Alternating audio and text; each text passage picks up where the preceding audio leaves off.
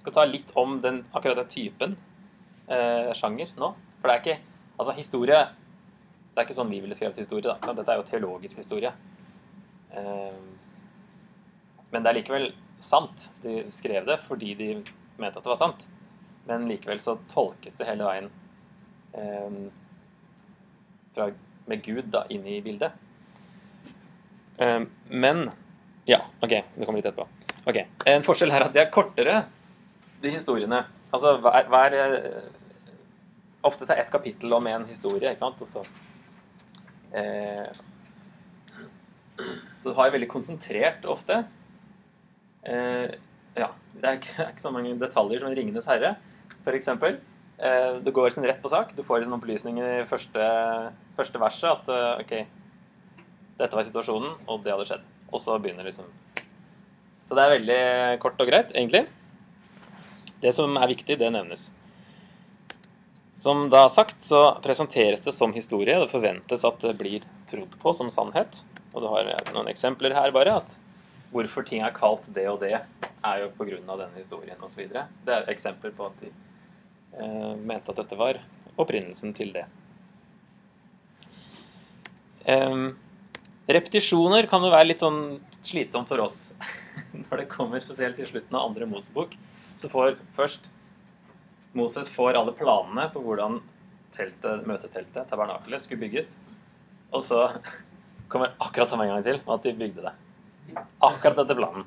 Men det var jo ekstremt viktig å vise at de hadde gjort det akkurat sånn som Gud hadde sagt. Men for oss så blir det bare åh. Og det er mye sånn i GT, veldig mye som repeteres, men det er fordi det også var en muntlig kultur. Um, og de fleste kunne jo ikke lese og skrive. Sånn at man uh, brukte repetisjoner for at det skulle uh, sitte og huske på, uh, f.eks. Og så er det det at det viktige får mye plass, f.eks. det der da, i andre Mosebok. Um, men repetisjonen vil da minne om det som er viktig, og som sagt viktigere i en muntlig kultur med repetisjoner. Og så er det det som skiller GT ut fra andre lignende historiebøker da, fra samme tid og kultur, er at det er veldig ærlig. Det dekker ikke til sannheten. Og at til og med David, som den største kongen, at til og med hans feil er tatt med, det er ekstremt uvanlig. Eh, det, var, det, motsatte var vanlig. Og det å skryte opp kongen noe mye mer enn det han hadde gjort Det var jo gjerne kongen sjøl som skrev, eller fikk det skrevet. Så liksom Ja, ja, kjør på. Kom igjen. Um, pluss at um, egypterne, f.eks., når de, de hadde sånn magisk syn på det skrevne ord at hvis de viska det ut, så hadde det ikke skjedd.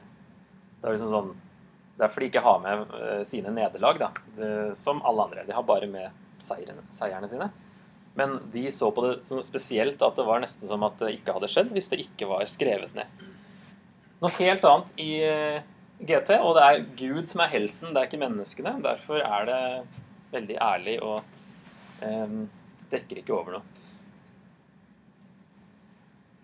Og så er det noe som brukes eh, i Bibelen og andre Det er et uttrykk som ikke nevnes i Bibelen, for så vidt. Showing versus telling. Men det er det med hvor tydelig en ting um, forklares. Er det Må du tolke det sjøl?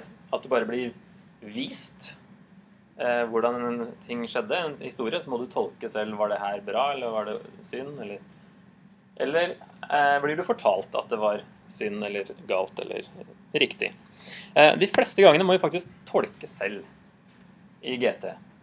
Det er ikke så mange ganger at det tydelig sies at det er jo en del, men jeg tror de fleste gangene så er det litt opp til oss. Eh, det bare fortelles hva som skjedde, uten at det betyr at Gud gikk god for det. Det tror jeg er greit å huske på i de verste, eller i hvert fall mange av de eh, verste historiene. Så er det mennesker som finner på ting, og uten at Gud har bedt dem om å gjøre det. Dommerne, f.eks., er den mørkeste boka i Bibelen, tror jeg. Eh, det er fordi folket er så på trynet Uh, mens Gud fortsetter å gjøre masse gode ting, men det drukner liksom i all ondskapen. Uh, så det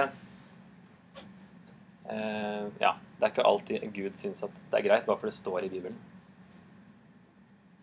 Så det forventes at leserne kan Moseloven, og at de kan bedømme selv ut fra den. At det her var rett eller galt. Eh, vi har noen direkte, da. F.eks. Eh, han som heter Nabal i første Samuelsbok. Mannen het Nabal, og hans kone Abigail. Hun var en klok og vakker kvinne, men mannen var vrang og ond i all sin ferd. Da er det sannheten, når fortelleren kommer med det. Da, da er det sånn. Og så sier også Abigail, som da er en klok kvinne Det er positivt å være klok. Bry deg ikke om den ondsinnede Nabal, herre, for som han heter, slik er han. Nabal. Dåre heter han. Det betyr jo dåre. Og full av dårskap er han. Så når vi har liksom både fortelleren og en klok kvinne si dette, så vet vi litt mer om Nabal enn eh, For uten det her så kunne vi kanskje lest den historien, så får vi inntrykk av at det er David som er drittsekken, egentlig. Hvis du ikke liksom tar med det her at Nabal er en fæl fyr, egentlig. Selv om det ikke kommer seg fram akkurat den historien. Og så er det David litt senere med Batseba-episoden. Det David hadde gjort, var ondt i Herrens øyne. Ellers så må vi tolke litt. Så noen tips helt til slutt. da. Det er I disse historiene er kanskje det hjelper å legge merke til begynnelsen og slutten. Eh, og se hver enhet for seg. Eh, samtidig som det henger sammen, selvfølgelig. Men det er en liten struktur på en måte i i hver lille historie. Det kan være til hjelp å bare være litt obs på det. Og så er det da hvilken del av teksten mest, gis mest plass. Altså det vil si hvilken del tar lengst tid å lese, egentlig. Det er det som er det viktige. Eh, og da brukes da som sagt repetisjoner og detaljer, og at det er dialog. Når de er på vei, Abraham og Isak på vei, og Isak skal ofres, så går det veldig fort fram, helt til de liksom kommer fram. Da blir det mye detaljer og dialog, og liksom, da går det mye saktere i handlingen. Da. Det er jo vanlig fra andre ting dere har lest om.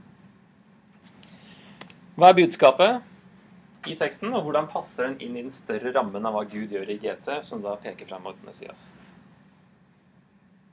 Det er jo viktig å huske på. Og da, hva lærer vi om Gud?